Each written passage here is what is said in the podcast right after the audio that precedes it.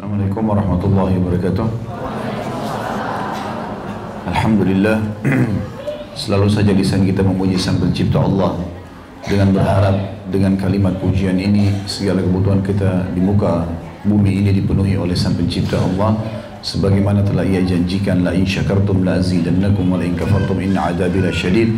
Kalau kalian bersyukur pasti aku akan tambah Dan kalau kalian kufur siksaku akan pedih Lanjutnya kita panjatkan salam hormat kita, salawat dan taslim kepada Nabi besar Muhammad sallallahu alaihi wasallam sebagaimana Allah telah perintahkan dan dengan dengan tujuan untuk membalas jasa Nabi alaihi salatu wasallam yang telah berjuang selama 23 tahun dari masa hidupnya, 13 tahun masa Mekah, seluruhnya dengan perjuangan, ya, siksaan, gangguan orang, penolakan, dan puncaknya diusir dari kampung halamannya dan juga 10 tahun fase Madinah semuanya penyempurnaan agama.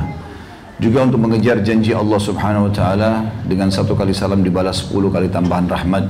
Maka karena itulah kita mengucapkan salawat dan taslim tadi. Lanjutkan pada buku kita, beginilah cara mendidik anak. Ya. Panduan mendidik anak sejak masa kandungan hingga dewasa berdasarkan Al-Quran dan Sunnah. Dan insya Allah kita akan masuk ke halaman 105. Betul ya? Masalah mencukur rambut bayi. Penulis mulai mengangkat itu sebelumnya kita sudah sempat membahas tentang masalah nama ya, nama-nama dalam Islam. Mana nama-nama yang baik dan seperti apa memilih nama yang baik. Ya. Dimulai dari nama-nama penisbatan penghambaan kepada Allah seperti Abdullah, Abdurrahman, Abdul Ghafur. Kalau perempuan Amatullah, Amatul Rahman, Amatul Ghafur dan seterusnya. Kemudian setelah itu datang nama para nabi-nabi yang sudah saya sampaikan dipilih seperti nama nabi-nabi satu nama saja. Adam, Hud, Saleh, Shu'aib satu saja dan tidak usah digabungkan nama-nama itu. Ya, saya sudah kasih contoh kemarin seperti kita ada Muhammad, Yusuf, Harun, Muhammad Nabi, Yusuf Nabi, Harun Nabi. Siapa yang mau dipanggil nih, gitu kan? Dan kadang-kadang nama Muhammad SAW nama yang paling mulia, pemimpin anak Adam, itu malah cuma dijadikan sebagai simbol di KTP, di paspor, tapi nggak pernah dipakai. Ya. Tidak pernah dipakai Muhammadnya, padahal itu yang paling baik. Kan banyak orang yang pakai nama Muhammad Ustaz, nggak masalah. Walaupun semua umat ini pakai nama Muhammad boleh saja. Ya. Apalagi cuma sebagian kecil. Begitu juga dengan e, perempuan memilih nama-nama wanita terbaik pemimpin surga, Khadijah, Fatimah, Asia, Maryam, ya, empat orang wanita ini Eh, juga sabda Nabi SAW telah sempurna dari laki-laki dari sisi akal yang cukup banyak dan sempurna dari kalangan wanita empat orang. Ya, Khadijah, Fatimah, Maryam dan Asia. Tentu Maryam ibunya Isa alaihissalam dan Asia adalah istrinya Fir'aun yang beriman. Dan ini kalau ditulis dalam bahasa Indonesia atau dalam bahasa Arab Asia itu pakai alif ya. Kalau pakai ain Asia nggak boleh. Ya. Apalagi dengan sod berarti bermaksiat. Kenapa? Ada seorang ikhwah datang kepada saya mengatakan Ustaz saya namakan anak saya Asia tapi istri saya protes.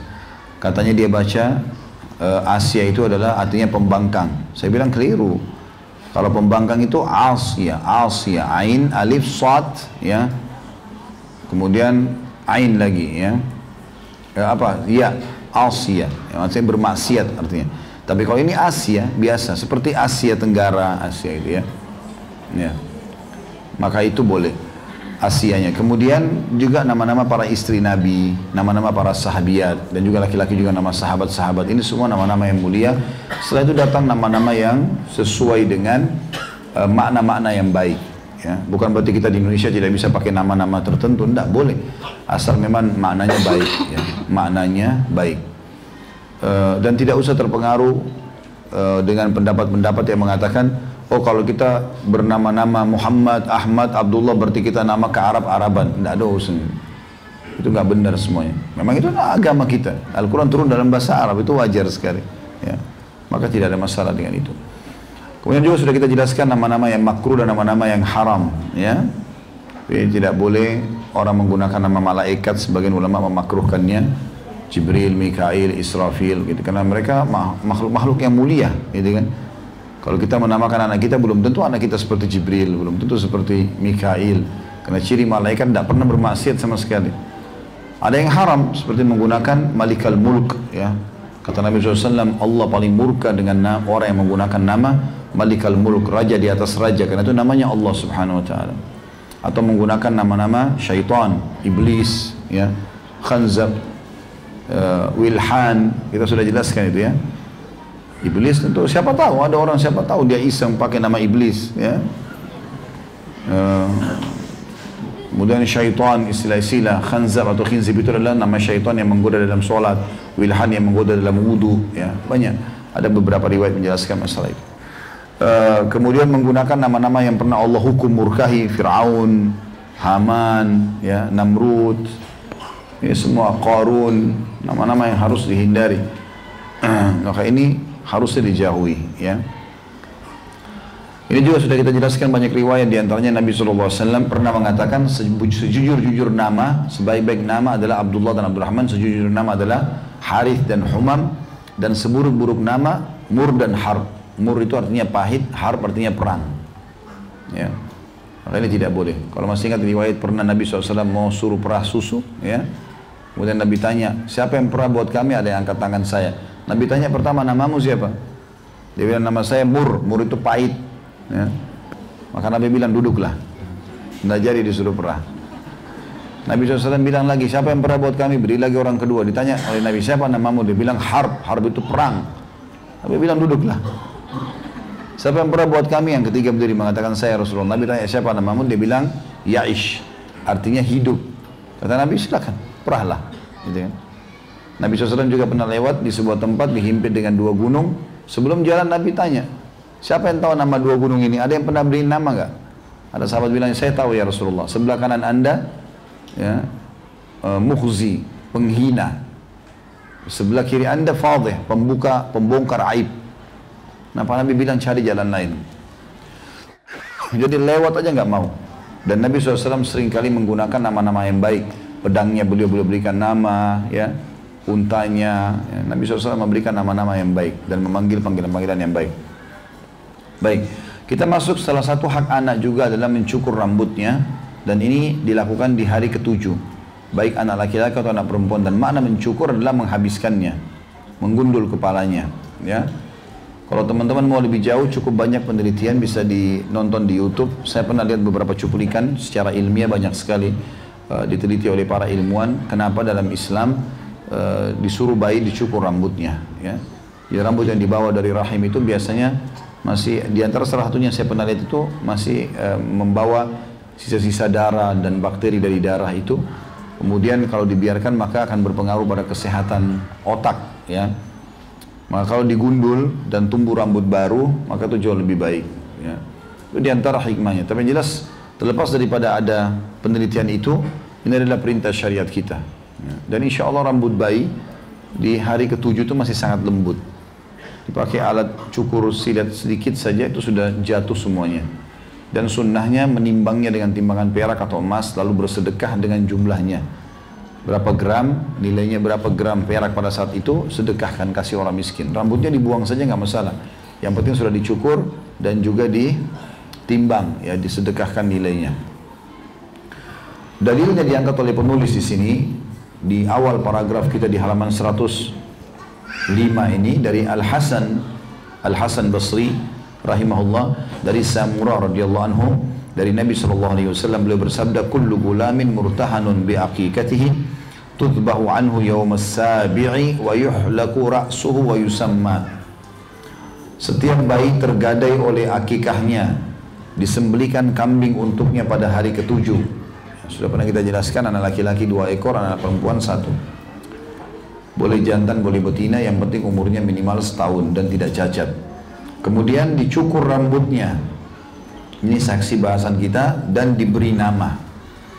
Nah, diberi nama. Ya. Boleh nggak orang memilih nama buat anak sebelum hamil marah, bahkan sebelum menikah? Bahwa benar boleh, ya, boleh saja. Bahkan sangat baik kalau orang itu niatkan kebaikan. Bahkan boleh orang berkunyah. Kunyah itu kayak punya penisbatan nama kepada anak walaupun anaknya belum ada. Karena pernah Aisyah radhiyallahu anha izin kepada Nabi sallallahu alaihi wasallam, "Ya Rasulullah, boleh nggak saya berkunyah dengan Ummu Abdillah, ibunya Abdillah. Mungkin niatnya Aisyah anha kalau nanti punya anak, dia mau kasih nama Abdullah anaknya. Maka Nabi SAW izinkan. Makanya dalam beberapa riwayat disebutkan dari Ummul Mukminin Ummu Abdillah Aisyah. Padahal Aisyah nggak punya anak radhiyallahu anha. Makanya juga boleh ya. Kemudian hadis yang kedua dari Abu Rafi' radhiyallahu anhu bahwa Nabi SAW berkata kepada Fatimah ketika dia melahirkan Al Hasan radhiyallahu anhu, "Ihliki ihliki ra'sahu wa tasaddaqi biwazni sya'rihi fiddatan 'alal masakin." Cukurlah rambutnya dan bersedekahlah seberat timbangan rambut tersebut dengan perak kepada orang-orang miskin. Kalau tadi riwayat yang pertama itu yang tentang masalah uh, semua bayi terikat dengan atau tergade dengan uh, dengan akikahnya dipotong rambutnya dan diberikan nama di hari ketujuh itu ada putut nomor 166 hadis ini sudah disebutkan sebelumnya atau hadis sahih ya. Kemudian hadis yang kedua yang tadi kita baru baca ini diriwayatkan Imam Ahmad di jilid 5 halaman 7 sampai 8 jilid 12 di halaman 12 halaman 17 halaman 22 jadi terulang beberapa kali Al Baihaqi menyebutkan juga di jilid 9 halaman 304 Hadis ini dinilai hasan oleh para ulama. Jadi hadis ini menjelaskan perintah Nabi SAW kepada anaknya Fatimah radhiyallahu anha untuk mencukur rambutnya cucunya atau anak Fatimah, ya, cucu Nabi SAW. Uh, kemudian disuruh sedekahkan nilainya. Jadi ditimbang pakai timbangan perak atau timbangan biasa pakai emas, kemudian dinilai berapa gram kira-kira rambut itu lalu kemudian rambutnya dibuang saja, lalu disedekahkan nilainya. Dari Ja'far bin Muhammad dari bapaknya dia berkata Fatimah menimbang rambut Al-Hasan, Al-Husain, Zainab dan Ummi Kalthum dan bersedekah seberat rambut tersebut berupa perak. Hadis ini diriwayatkan Imam Malik dalam kitab Muwatta, ya. Dan ini nama-nama anaknya Fatimah. Fatimah memiliki empat orang anak, ya. Yang paling masyur Al Hasan dan Husain karena ini anak laki-laki. Kemudian dua anak perempuan Zainab. Ini Zainab saya tidak terlalu tahu kisahnya, tapi Ummu Kalthum ini yang dinikahi oleh Umar bin Khattab. Ya. Istri terakhir Umar sebelum beliau meninggal adalah Ummu Kalthum, anaknya Ali bin Abi Thalib. Jadi Umar adalah mertua Nabi, Ali bin Abi Thalib anak mantu Nabi, tapi Umar adalah anak mantunya Ali. Hal itu dianjurkan pada hari ketujuh dari kelahiran sehingga Al-Hasan pernah ditanya tentang sabda Nabi SAW, hilangkanlah gangguan dari bayi. Maka dia menjawab, mencukur rambutnya. Begitu juga Imam Ahmad berkata, mencukur rambut bayi. Ya. Karena ada hadis yang menjelaskan, uh, angkatlah kesusahan dari si bayi. Uh, mana kesusahan sini adalah cukur rambutnya. Mencukur rambut bayi memiliki beberapa faedah antara lain menguatkan tubuh bayi, membuka pori-pori kepala, dan menguatkan indera penglihatan dan indera penciuman. Ini disebutkan atau diambil dari buku Tarbiyah Tarbiyat Aulad fil Islam, pendidikan anak dalam Islam. Ya, karena ada penelitian dikatakan itu. Jadi ini di antara faedahnya ya, bisa menguatkan tubuhnya, bisa membuka pori-pori kepala dan juga menguatkan indera penglihatan dan indera penciuman. Kata beliau selanjutnya hendaknya dalam mencukur rambut bayi menghindari tasyabuh dengan orang-orang kafir dan orang musyrik. Makna tasyabuh menyerupai. Ya. Jadi yang pegang bukunya bisa ditulis itu karena di sini tidak diterjemahkan. Tasyabuh artinya menyerupai. Kita dilarang menyerupai orang-orang kafir atau orang musyrik. Saya ulangi, hendaknya dalam mencukur rambut bayi menghindari tasyabuh dengan orang-orang kafir dan musyrik yang menyelisihi petunjuk Nabi wasallam Beliau bersabda hendaklah mencukur semuanya atau membiarkan semuanya. Hadis ini riwayat An-Nasai di nomor 4962 juga 4965 dan dengan sanad sahih. Ya, jadi maksudnya di sini kaza ya istilahnya kaza kaza itu di sini tipis di sini ada gitu ya maka dilarang oleh Nabi Shallallahu Alaihi Wasallam. Kalau misalnya di sini lebih tipis sedikit dibandingkan atas Perbedaannya tidak terlalu jauh, nggak masalah.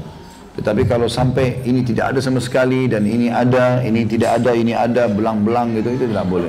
Ya. Karena orang begitu, karena lihat pemain bola, karena lihat apalah, lalu dicontohi. Yang penting dianggap itu modern. Nggak semua yang dianggap modern itu kita contohi kan. Kita punya panduan agama dan Islam selalu modern, tidak pernah ketinggalan zaman insya Allah. Nah, apalagi ini perintah dari sang pencipta Allah subhanahu wa ta'ala. Jadi kita disuruh cukur semuanya atau ya meninggalkan semuanya. Seperti itulah. Nabi SAW melarang kaza, yaitu mencukur sebagian dan membiarkan sebagian sebagaimana dalam Sahih Bukhari dan Sahih Muslim dari Ibnu Umar dan Umar bahwasanya Rasulullah SAW melarang kaza. Ini diriwayatkan Imam Bukhari nomor 5920, 5921 Imam Muslim menyebutkan dalam Kitabul Libas jadi 3 halaman 1675. An-Nasai 4965, Ibnu Majah 3657 dan Ahmad 4732. Ibnu Qayyim rahimahullah berkata, potong rambut model qaza ada empat bentuk. Yang pertama, memotong rambut dari satu arah sebagian dan dari arah lain sebagian, yaitu seperti terpencarnya mendung di langit. Ya. Jadi artinya ada sebagian ada, sebagian tidak ada. Ya. Yang kedua, mencukur bagian tengah dan meninggalkan bagian samping seperti yang dilakukan oleh koster atau penjaga gereja di kalangan kaum Nasrani. Semua tengah-tengahnya digundulin, kiri kanannya ada. Ini kalau sengaja ya, kalau orang memang dasarnya gundul, nggak ada rambutnya ya, nggak masuk dalam masalah ini. Tapi biasa orang jadikan model. Ya. Yang ketiga mencukur bagian samping dan membiarkan bagian tengah seperti yang dilakukan oleh para preman dan gelandangan serta orang rendahan dari kalangan orang kafir baik negara, negara barat maupun negara Eropa. Namun sangat disayangkan ternyata budaya dan kebiasaan buruk ini telah menyebar luas di kalangan kaum muslimin. Kebanyakan mereka telah meniru budaya barat dan Eropa kecuali yang telah dirahmati Allah. Penularan perilaku dan adab buruk yang bertentangan dengan ajaran Islam dan sunnah Rasulullah sallallahu alaihi wasallam. Kebanyakan orang tua mencukur anaknya dengan model, model kaza meskipun anak tersebut tidak tahu menahu tentang budaya buruk itu. Dari kecil sudah biasa dicukur begitu, akhirnya dibawalah dia sampai dewasa gitu ya. ya. Paling aman kalau seseorang mencukur semua sisinya sama rata. Kanan, atas, kiri, belakang semuanya sama rata. Ya. Kalaupun ada perbedaan-perbedaan tipis saja. Ya. Tapi kalau sangat menonjol maka itu tidak dibenarkan. Yang keempat, mencukur bagian depan dan samping dan meninggalkan bagian belakang. Semua itu model kaza, ya seperti Shaolin, ya gundul semua tapi di belakang ada panjang ya.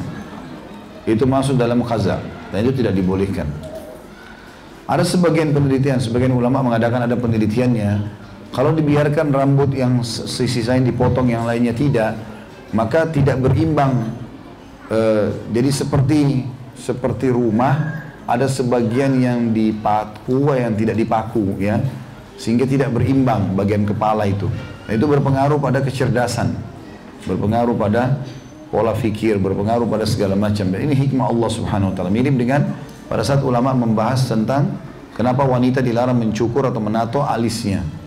Karena alis ini bagian daripada mata yang berpengaruh sekali sama urat-urat saraf mata. Maka orang yang mencabutnya ya, atau menatonya itu berpengaruh pada penglihatan atau kualitas penglihatan. Ini contoh saja. Kemudian selanjutnya masih hak anak juga adalah khitan atau sunat. Khitan dalam arti bahasa ialah memotong penutup atau kulit yang ada pada ujung kemaluan. Menurut istilah syar'i, ialah kulit yang melingkar pada ujung kelamin laki-laki atau daging yang ada di vagina kaum perempuan yang terletak bagian atas. Dan itulah yang memiliki kaitan dengan hukum-hukum syariat. Sebagaimana Imam Ahmad meriwayatkan dari Nabi SAW beliau bersabda idal takal khita khitanani faqad wajib al ghusl apabila khitan telah bertemu dengan khitan maka wajib mandi junub hadis ini riwayat Ahmad jadi 2 halaman 178 jilid 6 halaman 239 At-Tirmidzi nomor 108 109 Ibnu Majah nomor 608 dan ini disebutkan dalam Sahihu Al-Jami' Al-Sahih jilid 1 halaman 385 tepatnya nomor hadisnya 1261. Ini adalah hadis yang menjelaskan tentang masalah khitan ya. Kalau bertemu dua kemaluan maka wajib mandi junub. Ibnu Qayyim berkata, khitan dianjurkan di dunia dalam rangka untuk menyempurnakan tahara atau kesucian badan dan bersuci dari kotoran kencing. Karena katupnya penutup zakar laki-laki dan juga perempuan daging yang menempel di bagian atas vagina awal lahir itu bisa menghambat kencing sehingga sering kali ada yang tersisa dan tertampung di situ. Dan itu menyimpan bakteri. Dan sudah banyak penelitian tentang masalah ini berhubungan sekali dengan masalah kesehatan tentunya ya. Dan laki-laki lebih sempurna dan perempuan dari sisi biologisnya kalau mereka melakukan khitan ini. Dalam Sahih Bukhari dan Sahih Muslim dari hadis Abu Hurairah radhiyallahu anhu Rasulullah SAW bersabda al-fitratu khamsun al-khitanu wal-istihdadu wa qassu syaribi wa taqlimul adhafir wa nadful ibt. Kebiasaan yang sesuai dengan fitrah ada lima. Khitan, maksudnya sesuatu yang harus dijaga oleh seorang muslim. Sunat, khitan, mencukur bulu kemaluan, menggunting kumis, memotong kuku dan mencabut bulu ketiak. Hadis ini dinukil oleh Ibnu Qayyim dalam kitab Tuhfatul uh, Tuhfatul Maudud bi Ahkamil Maulud di halaman 145. Hadis ini menjelaskan kepada kita tentang lima hal yang harus dijaga oleh setiap muslim dan muslimah. Tapi di sini ada uh, empat buat muslimah dan lima buat muslim. Ya, artinya muslimah empat, perempuan dan laki-laki lima. Khitan laki-laki dan perempuan, istihdad atau mencukur bulu kemaluan laki-laki dan perempuan. Dan ini tentu dilakukan khitan tadi untuk menjaga kesucian dan juga kesempurnaan biologis sama dengan mencukur bulu kemaluan. Karena di daerah kemaluan itu lembab kalau dibiarkan bulunya tidak dicukur maka akan menampung keringat, bakteri segala macam. Dan ini juga berpengaruh dan bisa juga sisa-sisa sperma tersisa pada saat orang habis biologis. Walaupun dia sudah mandi atau dia sudah bersihkan. Maka ini ada hikmah-hikmah syar'i kemudian ini juga laki-laki perempuan kemudian yang laki-laki sama perempuan memotong kuku ya jadi tidak perlu pelihara kuku ibu-ibu sekalian, dipotong karena sunnah Nabi SAW dan sudah ada penelitian kuku dijaga dirawat bagaimanapun dia paling banyak menampung bakteri. Tersentuh makanan, tersentuh ke kulit maka akan bisa merusak semuanya. Apa pun alasannya. Karena kadang pernah ada seorang ikhwah kukunya panjang satu saja. Kenapa? Untuk pakai ngorek kuping. Hmm. Untuk buka apa sesuatu. Tidak perlu pakai ini. Karena kalau kita masukkan ke kuping menambah bakteri. Hmm atau apalah dipakai. Ini sebenarnya tidak usah karena sunnah Nabi SAW dihindari, tidak boleh. Dibersihkan saja. Dan ini juga dilakukan pada saat orang mau umroh dan haji. Sunnahnya dia mencukur bulu kemaluan mencukur uh, memotong kuku ya. Kemudian juga mencabut bulu ketiak. Ada perbedaan di sini. Kalau bulu kemaluan disuruh cukur bulu ketiak disuruh cabut ya. Ada penelitian diadakan oleh para ulama kalau bulu kemaluan cukup untuk dicukur dan memang tidak bisa untuk dicabut karena sangat sakit ya. Ya itu begitu penelitian para ulama. Memang kita pun merasakan itu karena dan di situ ada urat-urat saraf yang berpengaruh pada kemaluan seseorang. Jadi kalau dicabut, mirip tadi saya bilang kalau dicabut alis ya, ada berpengaruh pada urat-urat saraf yang ada di bawahnya. Tapi kalau bulu ketiak berbeda. Di situ ada ketebalan kulit yang membuat dia walaupun dicabut tidak berpengaruh pada urat-urat saraf yang ada di dalamnya. Dan kalau terbiasa dicabut, maka nanti tumbuh yang kedua, yang ketiga, yang seterusnya itu kalau dicabut sedikit saja sudah kecabut dengan sendirinya. Walaupun boleh dicukur. Ini kenapa yang satu disuruh cukur, kemaluan kenapa yang ini disuruh cabut. Jadi ada hikmah di situ. Ya. Ini empat hal yang sama laki-laki perempuan, khitan, mencukur bulu kemaluan, memotong kuku, mencabut bulu ketiak. Sementara yang satu buat laki-laki saja yang menyempurnakan lima perintah Nabi yaitu mencukur kumis karena perempuan umumnya tidak ada uh, bulu ini ya. Oleh karena itu, khitan termasuk sunnah fitrah kata beliau dan sunnah para utusan Allah. Dari Abu Ayyub radhiyallahu anhu bahwa Rasulullah SAW bersabda arbaun min sunanil mursalin al khitanu wat ta'atturu was siwaku wan nikah. Empat perkara termasuk sunnah para rasul. Jadi bukan cuma Nabi Muhammad SAW, semua Nabi dan Rasul diperintahkan Allah untuk lakukan empat hal ini. Yang pertama khitan, jadi sebenarnya tidak benar kalau ada orang yang mengaku pengikut agama Nabi, Yahudi, Nasrani kalau mereka tidak khitan. Karena sebenarnya semua Nabi memang syariatnya itu. Maka kalau ada yang mengatakan tidak berarti dia bertolak belakang karena kita pasti membenarkan sabda Nabi SAW dan pasti dia tidak tahu hukumnya. Ini sudah dikatakan semua Rasul begitu. Yang kedua mengenakan wangi-wangian. Ini ciri seorang Muslim dan Muslimah selalu menjaga kebersihan dan wangi tubuhnya ya tentu ada perbedaan laki-laki sama perempuan Karena Nabi SAW mengatakan sebaik-baik minyak wangi bagi laki-laki yang baunya keras, warnanya terang, ya.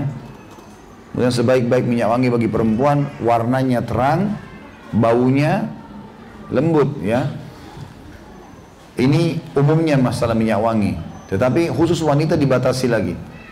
Tentang masalah tidak bolehnya menggunakan minyak wangi apalagi yang menyengat kalau keluar dari rumah. Tapi pada saat wangi-wangi itu misalnya roll on ya atau mungkin ada minyak wangi yang sedikit kalau lagi pakai cadar atau masker terus ditaruh untuk supaya hidungnya dia ya bisa menghirup udara yang bagus dan tidak tersengat bagi orang itu masih ada yang membolehkan tapi kalau sudah menyengat lawan jenis ini hukumnya haram nggak boleh ya karena memang Nabi SAW menjelaskan kalau minyak wangi yang dipakai wanita dan akhirnya menyengat ini itu dianggap dia seperti pezina. Dan akan mengganggu ya akan mengganggu.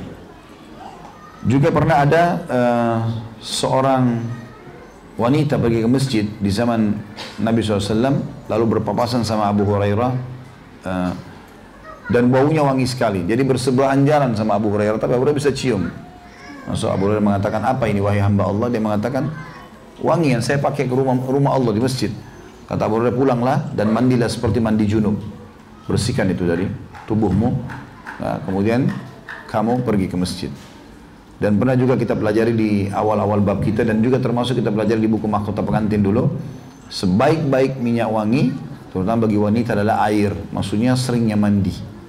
Nah, ada wanita kadang-kadang mau mandi kalau cuma haid, selesai haid. Atau kalau biologi saja sama suaminya. Selain itu tidak ada mandi. Nah, ini nggak boleh juga dalam Islam. Ya. Jangan tersinggung karena ini umum. Kalau yang tersinggung berarti merasa dirinya begitu. Kita kalau menjelaskan ada pencuri begini-begini, kalau bukan pencuri kenapa tersinggung? Yang tersinggung orang yang melakukan saja. Gitu. Maka ini juga perlu digarisbawahi dan kalau e, bersama dengan suami sangat dianjurkan seorang istri selalu menggunakan wangi-wangian. Ya. Aisyah radhiyallahu meletakkan wangi-wangian dari rambut beliau pada saat menyambut Nabi alaihi salatu wassalam, gitu kan. Dan para sahabat juga dinukil banyak menggunakan wangi-wangian tapi tentu dengan mahram mereka ya sama suami di rumah sama anak-anak itu nggak ada masalah. Tapi kalau sudah keluar hukum syari tadi tersendiri. Jadi pengecualiannya adalah keluar dan bertemu dengan yang lawan jenis yang tidak halal bagi dia. Juga ada hadis yang mirip dengan ini yang kata Nabi SAW dicintakan bagiku dunia ini karena adanya wanita dan adanya wangi-wangian. Ya. Jadi wanita adanya istri yang disayangi, dicintai, adanya ibu, adanya anak perempuan, adanya saudari, dan wangi-wangian. Ya, Nabi SAW sangat gemar dengan bau wangi. Ya. Bahkan beliau kadang-kadang dilihat oleh oleh para sahabat menetes minyak wangi dari rambut beliau SAW karena banyaknya pakai itu. Kemudian selanjutnya siwak, ya, berarti membersihkan gigi dan ini sudah pernah kita jelaskan juga. Pentingnya menjaga wangi-wangian mulut ya, dan siwak maksudnya menggunakan kayu siwak sendiri dari pohon arak namanya dan kalau tidak ada boleh menggunakan sikat gigi ya.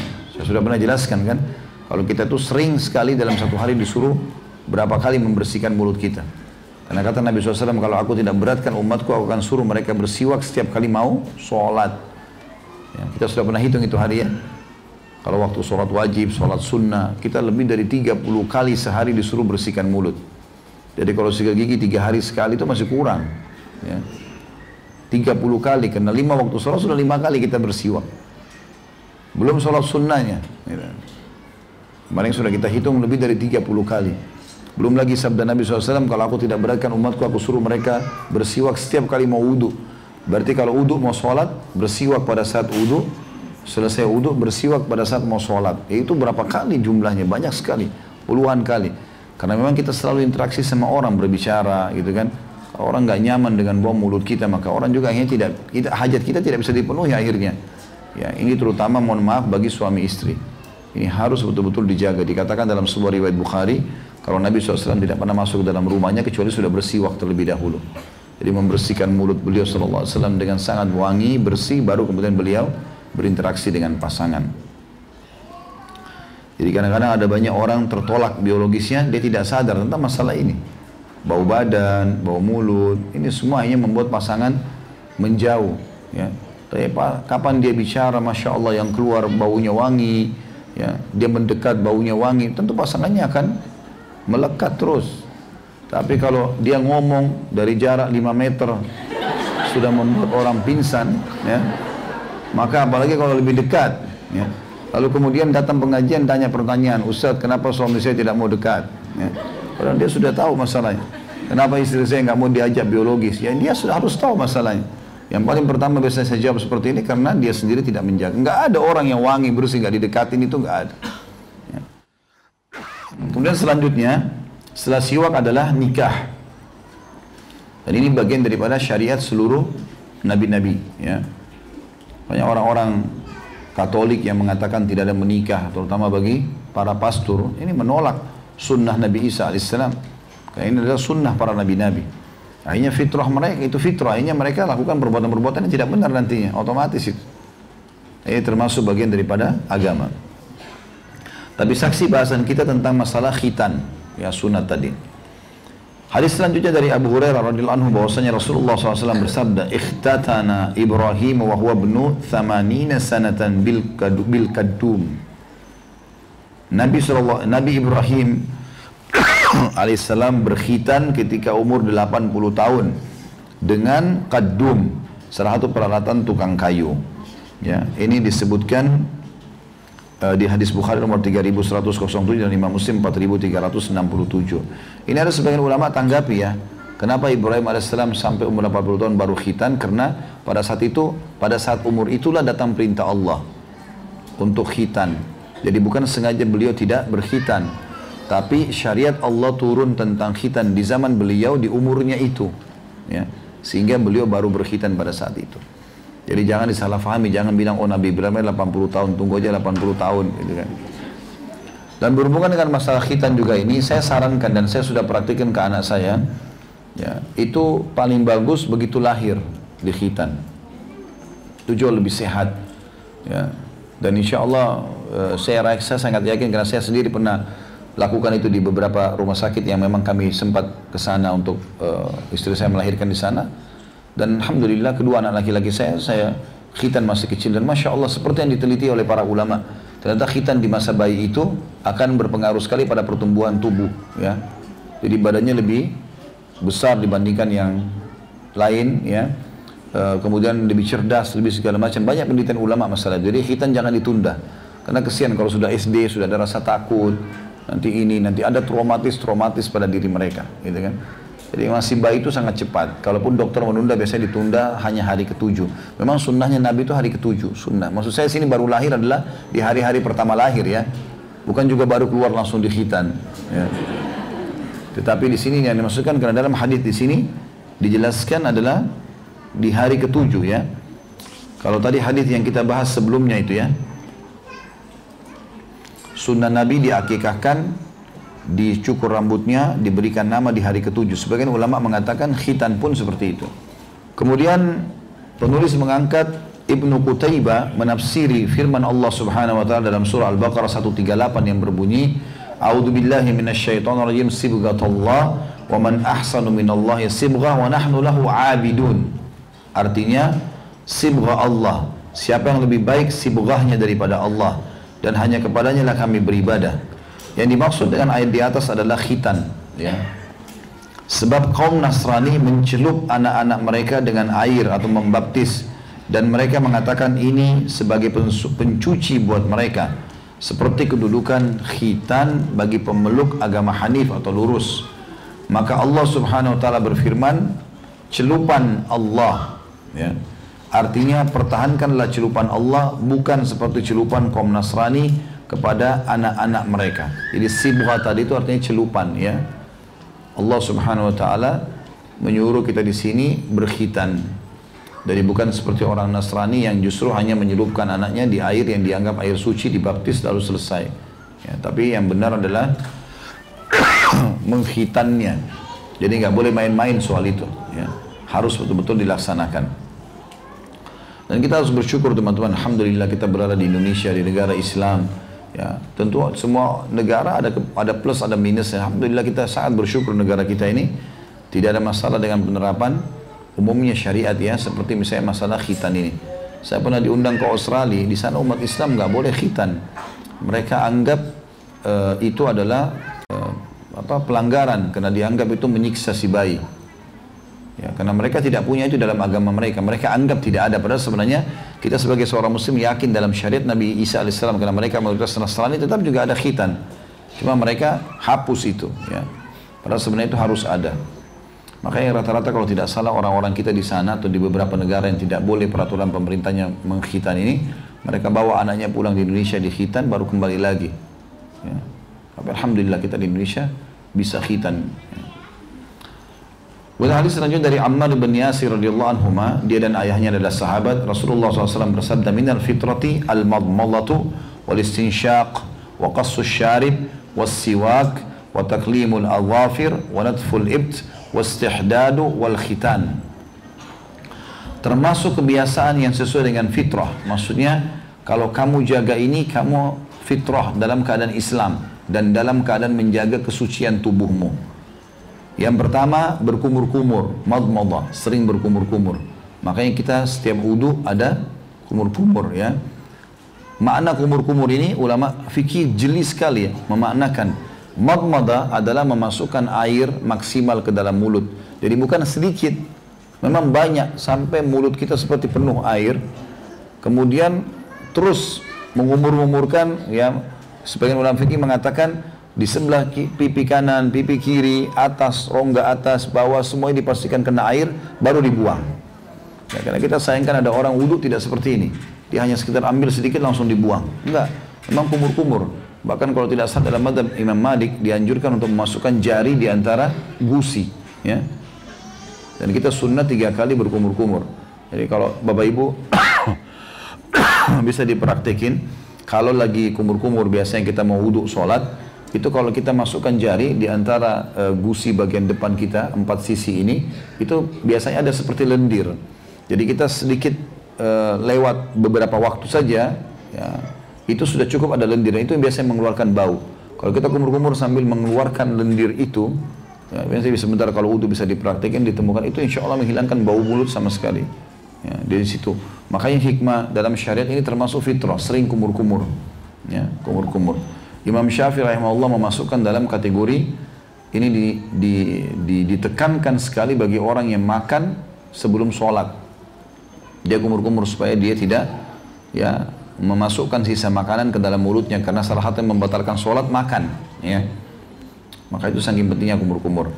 Dan kumur-kumur ini bersatu kalau dalam wudhu dengan yang kedua istinsyak. Istinsyak artinya memasukkan air ke dalam hidung. Ya, dan kalau mengeluarkan kembali namanya istinthar. Ada dua itu ya. Kalau istinsyak itu kalau bapak ibu wudhu ya ngambil setelah telapak tangan ngambil air di cakupan tangan kita ya seperti ini kurang lebih. Setengahnya dimasukkan ke mulut berkumur-kumur setengahnya dihirup. Dihirup ya bukan cuma ditaruh di ujung hidung. Istinsyak itu artinya hirup. Kata Nabi SAW uh, istinsyak itu dikuatkan dihirup. Istinsyak artinya memasukkan air dalam hidung Kata Nabi SAW, kalau kalian beristinsyak, hiruplah, kuatkanlah, ya, kecuali kalian sedang puasa. Kalau tidak puasa, maka dianjurkan untuk itu. Ya, bagi yang tersumbat hidungnya, flu, istinsyak ini obat yang luar biasa. Masukkan air, keluarkan. Karena biasa yang membuat hidung kita buntu segala macam, karena adanya bakteri-bakteri. Kan ini selalu kita hirup, ya segala macam. Apalagi zaman sekarang polusi luar biasa. Maka istinsyak sangat besar manfaatnya. Sunnah Nabi SAW istinsyak, menghirup air dengan tangan kanan, kemudian istinthar, mengeluarkan dengan tangan kiri sambil menekan bagian tulang hidung dan dikeluarkan dengan kuat. Kemudian di mencukur kumis, ya, mencukur kumis di sini juga bagian daripada fitrah dan yang tadi belum saya jelaskan ya. Khilaf di antara ulama tentang masalah mencukur kumis, apakah mencukur habis atau membiarkan sebagian. Khilaf dari dua pendapat. Ya, kalau saya pribadi berpegang lebih cenderung pada pendapat yang mengatakan dicukur habis. Makanya sering sehari dua hari sekali kita sudah mencukurnya. Uh, ada pendapat lain yang mengatakan tidak, memotong saja sampai tipis dan membiarkan garis bibir terbentuk sehingga tidak menutup bibirnya. Ya. Maka itu pendapat, tapi tetap sunnahnya walaupun pendapat yang kedua adalah menipiskan, tidak membiarkannya. Ya. Seperti itulah. Makanya pernah ada utusan uh, Kisra, rajanya Persia, datang kepada Nabi Shallallahu Alaihi Wasallam dan penampilan mereka adalah kumisnya tebal dan dibiarkan kumis itu turun, ya.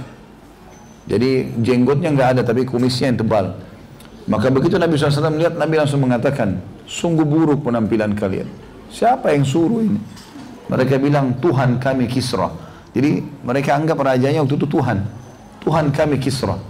Kata Nabi SAW, kalau aku Tuhanku menyuruh aku untuk memelihara jenggot dan memotong kumis. Ya. Maka itu sunnah Nabi SAW. Sebenarnya ulama adakan penelitian kenapa kumis disuruh cukur. Karena juga sama, ini uh, bukan cuma sekedar tempat untuk menghirup oksigen, tapi pada saat hasil pembakaran tubuh kita juga keluarkan kan kan kita menghirup mengeluarkan kan gitu. Nah itu bisa ditampung oleh kumis dan itu nanti akan berpengaruh pada kesehatan. Di antara hikmah yang disebutkan Kenapa kumis disuruh cukur di sini? Kemudian juga termasuk sunnah adalah yang keempat. Kalau yang pertama tadi kumur-kumur, yang kedua adalah masukkan air di kali hidung, yang ketiga mencukur kumis, yang keempat bersiwak. Dan sudah kita jelaskan tadi ini sama dengan gosok gigi kalau zaman sekarang untuk menjaga bau mulut. Kemudian uh, selanjutnya yang kelima adalah memotong kuku. Ini juga sudah kita jelaskan tadi. Yang keenam mencabut bulu ketiak juga sudah kita jelaskan tadi.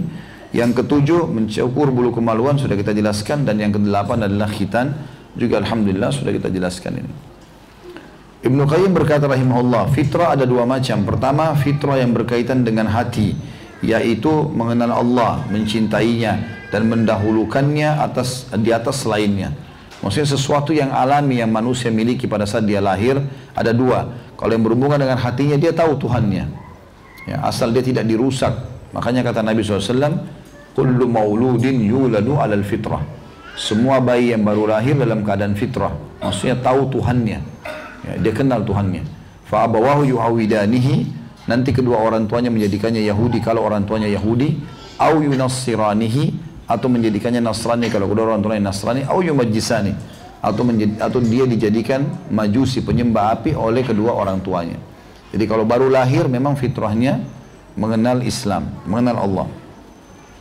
Dan yang kedua, fitrah amaliyah, yaitu fitrah yang telah disebutkan di atas. Maksudnya, secara alami, manusia, kita kalau lihat ada orang, uh, misal berbicara dan memberikan isyarat dengan tangannya dan kukunya bersih. Itu secara alami kita suka dibandingkan orang yang kukunya panjang, apalagi kalau kotor. Ya. Secara alami, fitrah itu ada.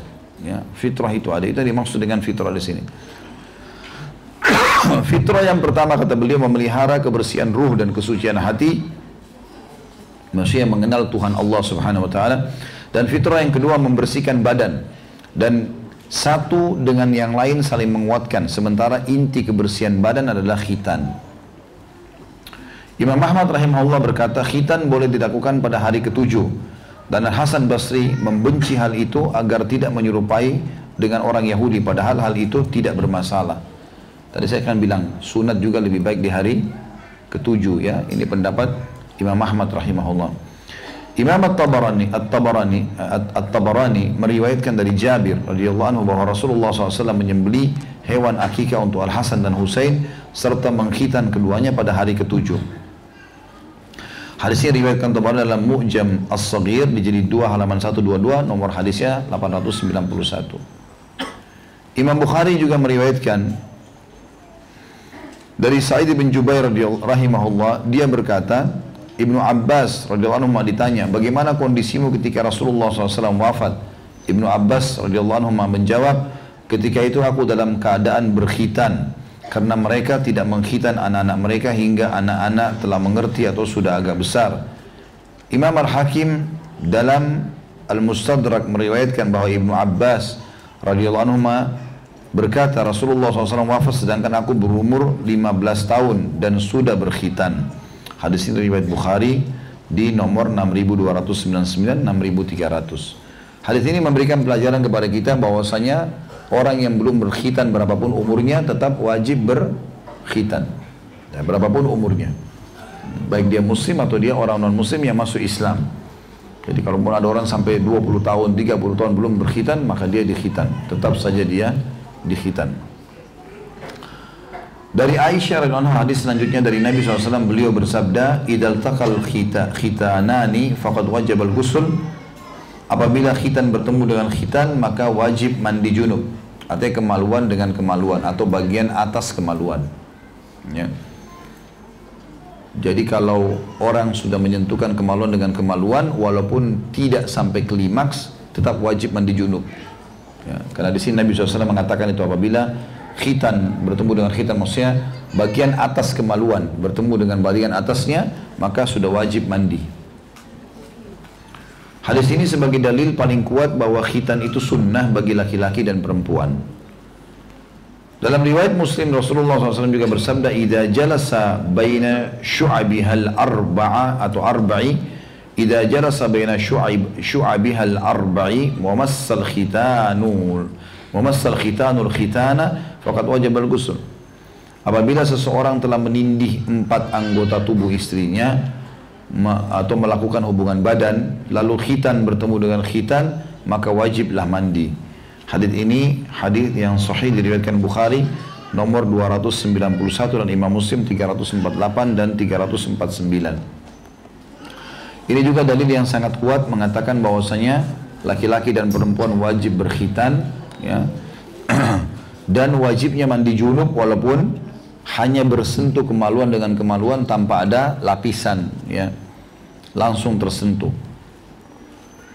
Dari Imam Ahmad rahimahullah juga dari Shaddad bin Aus radhiyallahu anhu dari Nabi SAW beliau bersabda al khitanu sunnatun lirrijali wa makru wa, wa makramatun lin nisa khitan itu sunnah bagi laki-laki dan kemuliaan bagi kaum wanita. Ini disebutkan Imam Ahmad di nomor 19794 dari Usama bin Umair radhiyallahu anhu. Ini mirip dengan tadi tentu penjelasan artinya sunnah di sini adalah perintah agama ya. Tapi hukumnya wajib. Juga sabda Nabi sallallahu alaihi wasallam تنحكي ولا تنحكي tanhiki ولا تنحكي tanhaki ikhfadhi wa وأحظى tanhaki fa innahu andaru. Potonglah sedikit dan jangan berlebihan karena itu lebih menambah bagusnya wajah dan lebih nikmat bagi suami. Hadis ini diriwayatkan Tabarani dalam Al-Kabir jilid 8 halaman 299 dan juga disebutkan dalam Sahih wal Jami' Sahih jilid 1 halaman 336 dan tepatnya nomor hadisnya 722 Hadis ini perintah Nabi Shallallahu Alaihi Wasallam kepada seorang wanita yang dulu tukang khitan di Madinah, maka beliau berkata Shallallahu Alaihi Wasallam kalau kau sedang mengkhitan anak perempuan, maka khitanlah dia, potong sedikit bagian atas laput kemaluan dan jangan berlebihan, jangan sampai dihabiskan, gitu. Karena itu akan menambah kecantikan wajah dan juga kenikmatan bagi suami pada saat biologis. Dari Ummu Atiyah, selanjutnya dari Nabi SAW beliau bersabda, jika kamu mengkhitan maka janganlah berlebihan karena itu karena hal itu lebih membuat nikmat bagi wanita dan lebih dicintai oleh suaminya. Hadis ini riwayat Baihaqi di jilid 8 halaman 324 dari Ummu Atiyah radhiyallahu anha dan disebutkan dalam Sahih Al-Jami' As-Saghir jilid 1 halaman 498. Jadi ternyata khitan itu sangat berpengaruh pada kenikmatan biologis ya. Jadi orang kalau tidak khitan malah mungkin ya kemungkinan besar makna daripada lawan penjelasan tadi ini itu akan berkurang syahwatnya, ya, berkurang syahwatnya. Dan sebagian ulama menjelaskan makna daripada lebih nikmat bagi suami di dua riwayat ini. Yang riwayat pertama tadi lebih nikmat bagi suami, riwayat kedua yang membuat nikmat bagi wanita. Ya, maksudnya adalah dalam biologisnya khitan itu akan membantu mereka lebih merasakan kenikmatan pada saat klimaks. Dan makna daripada dicintai oleh suami, sebagian ulama hadis mengatakan suami itu akan sangat mencintai istrinya pada saat biologisnya terpenuhi, walaupun yang lainnya kurang. Ya. Tentu yang lain juga disempurnakan. Jadi bagi ibu-ibu yang mau dicintai suaminya, memang biologis ini nomor satu bagi laki-laki. Jangan bilang kenapa kau mau terus nih, ya.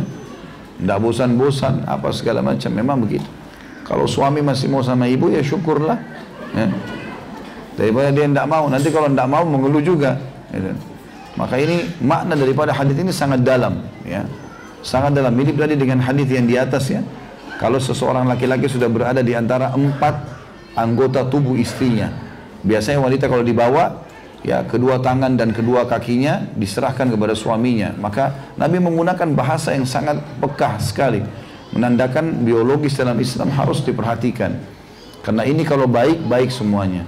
Ya, kapan Bapak Ibu bisa melakukan biologis yang sempurna, maka semua masalah lain jadi kecil. Tapi kapan ini tidak bisa, maka akan kacau semuanya. Di dalam riwayat yang lain, ada riwayat yang selanjutnya juga mirip dengan itu. Nabi SAW juga bersabda, jika kalian mengkhitan, maka janganlah berlebihan. Karena demikian itu lebih menambah kecantikan dan lebih diridhoi sang suami. Hadis ini diriwayatkan oleh Al-Khatib Al-Baghdadi di jilid 5 halaman 324, 327 dari Ali radhiyallahu anhu dan disebutkan oleh Albani dalam Sahih Al-Jami' As-Saghir jilid 1 halaman 508 tepatnya di nomor hadis 722. Jadi di sini bagi wanita menambah kecantikannya, Allah alam apa hikmahnya, kemaluan di khitan lalu wajahnya lebih baik, lebih ceria.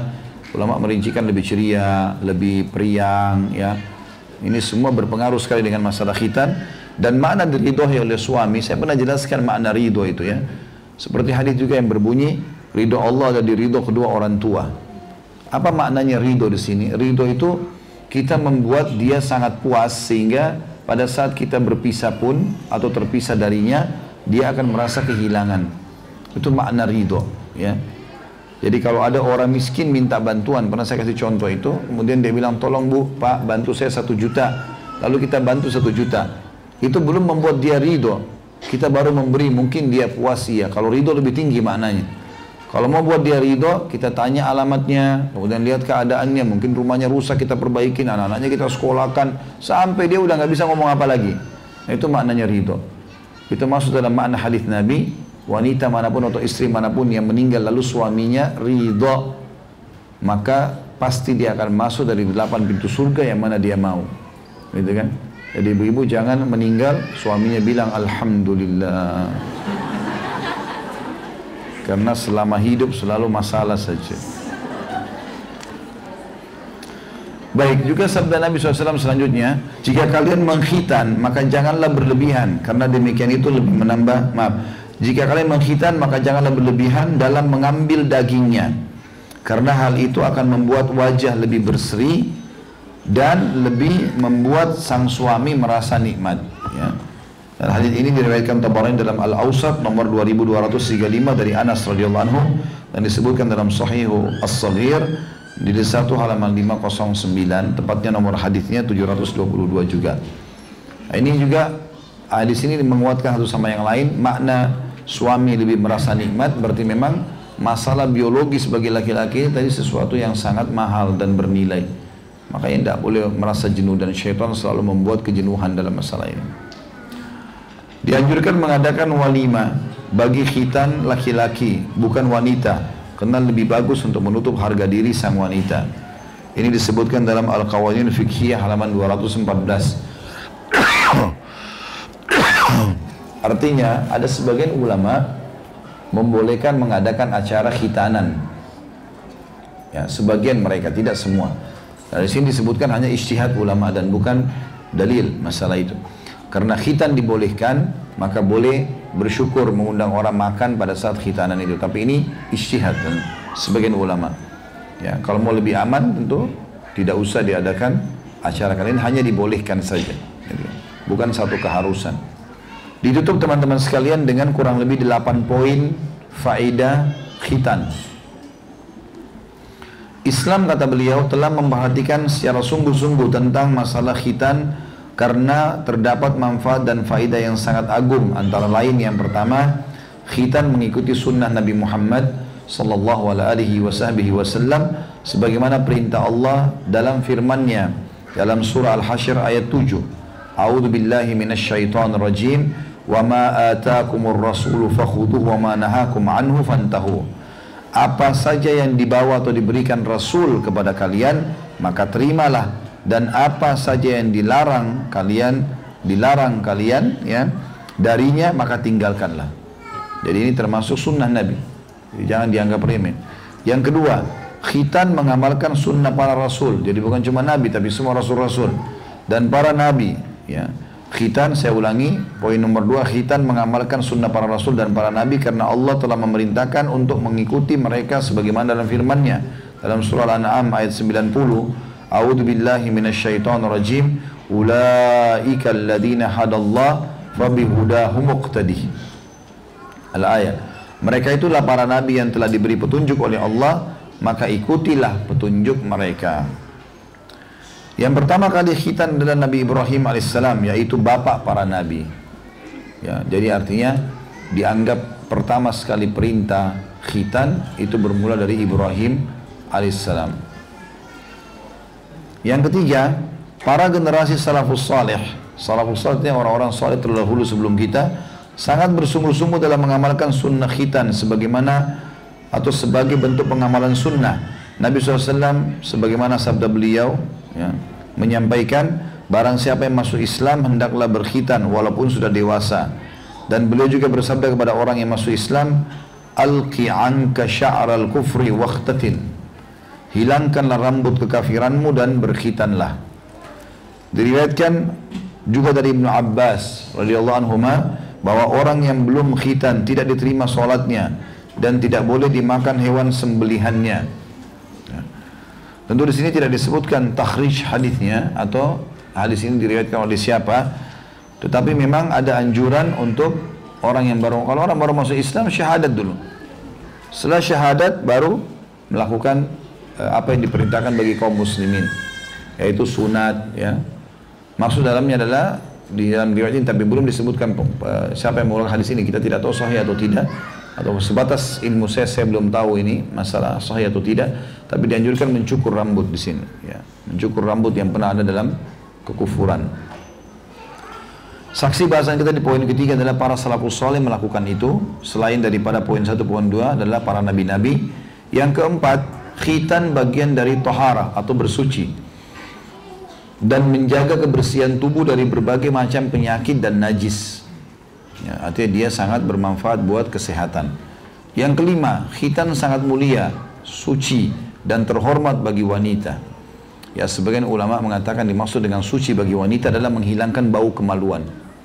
Kalau bergabung antara sudah khitan dan juga mencukur bulu kemaluan, maka ini akan sangat membantu ya wanita jauh daripada bau yang tidak sedap. Apalagi memang e, tempat itu adalah sangat lembab dan juga sering kali ada haid setiap bulannya ya. Dan itu Allah menyebutkan haid adalah darah kotoran. Yang keenam khitan menyelamatkan kaum muslimin dari penyelewengan seksual ya. Ini tentu istihad saya tidak tahu kenapa ditulis poin ini ya, apa hubungannya antara khitan sama ini? Kemungkinan besar bisa kita maknakan kalau orang khitan merasakan kenikmatan. Kalau orang tidak khitan tidak merasakan kenikmatan biologis. Maka dia selalu tidak puas ya. Itu yang dimaksudkan dalam Kemungkinan dimasukkan dalam poin ke-6 ini. Poin ke-7, khitan adalah mengikuti fitrah dan fitrah adalah Islam. Sebenarnya sudah kita tahu tadi, fitrah itu adalah mengenal Tuhannya Allah subhanahu wa ta'ala. Dan ini perintah Allah secara mendasar, alami orang mau melakukan itu. Yang terakhir yang kedelapan, khitan merupakan bagian dari syiar agama yang membedakan antara muslim dengan kafir. Maka bila ditemukan mayat berkhitan di tengah beberapa mayat yang tidak berkhitan, maka harus disolati dan dikubur di kuburan kaum muslimin. Kalau tidak ditahu ya, apakah dia muslim atau tidak. Misal terjadi gempa, jadi longsor, ditemukan jenazah, ternyata ditemukan dia berkhitan. Maka ini sudah cukup di husnudzon sangka baik kalau dia adalah muslim. Kalau dia adalah muslim. Ya. Ini ada uh, sedikit kisah berhubungan dengan masalah itu dan kita tutup dengan ini. Pernah Heraklius ya kaisar Romawi ini di zaman di zaman Nabi Shallallahu Alaihi Wasallam. Di zaman Nabi Shallallahu Alaihi Wasallam.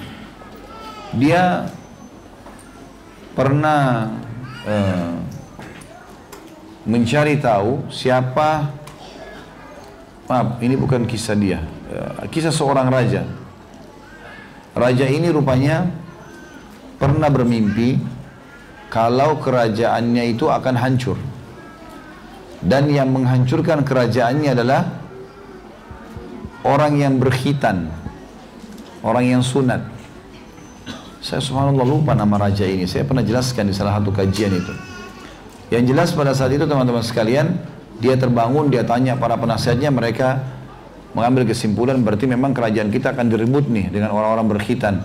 Lalu raja itu mengeluarkan instruksi, semua orang asing yang tidak dikenal di wilayah kekuasaannya diperiksa, terkhitan atau tidak. Ya. Mereka mengecek sampai ditemukan ada orang Yahudi, gitu kan, yang sempat terkhitan atau orang ini pernah khitan ditangkaplah gitu kan. Namun setelah diinterogasi tidak dicurigai. Kemudian setelah itu ada orang-orang Arab yang tertangkap tapi kayak dari kaum muslimin. Kemudian mereka temukan ternyata mereka semua terkhitan maka akhirnya diambillah kesimpulan bahwasanya akan mengalahkan kerajaan mereka adalah kaum muslimin. Dan memang betul takluk di tangan muslimin akhirnya kerajaan itu. Ya Allahu alam. Baik itu bahasan kita sampai sini insya Allah karena uh, waktu sudah masuk dan juga kita akan masuk nanti pendidikan anak prasekolah ya. Sebelum sekolah seperti apa kita mendidiknya ya. insya Allah pada Kamis akan datang Bismillah Baik begitu saja. Karena sudah masuk waktu duhur semoga bermanfaat. Subhanakallah wa bihamdika syadu an la ilaha illa anta astaghfiruka wa atubu ilaik. Wassalamualaikum warahmatullahi wabarakatuh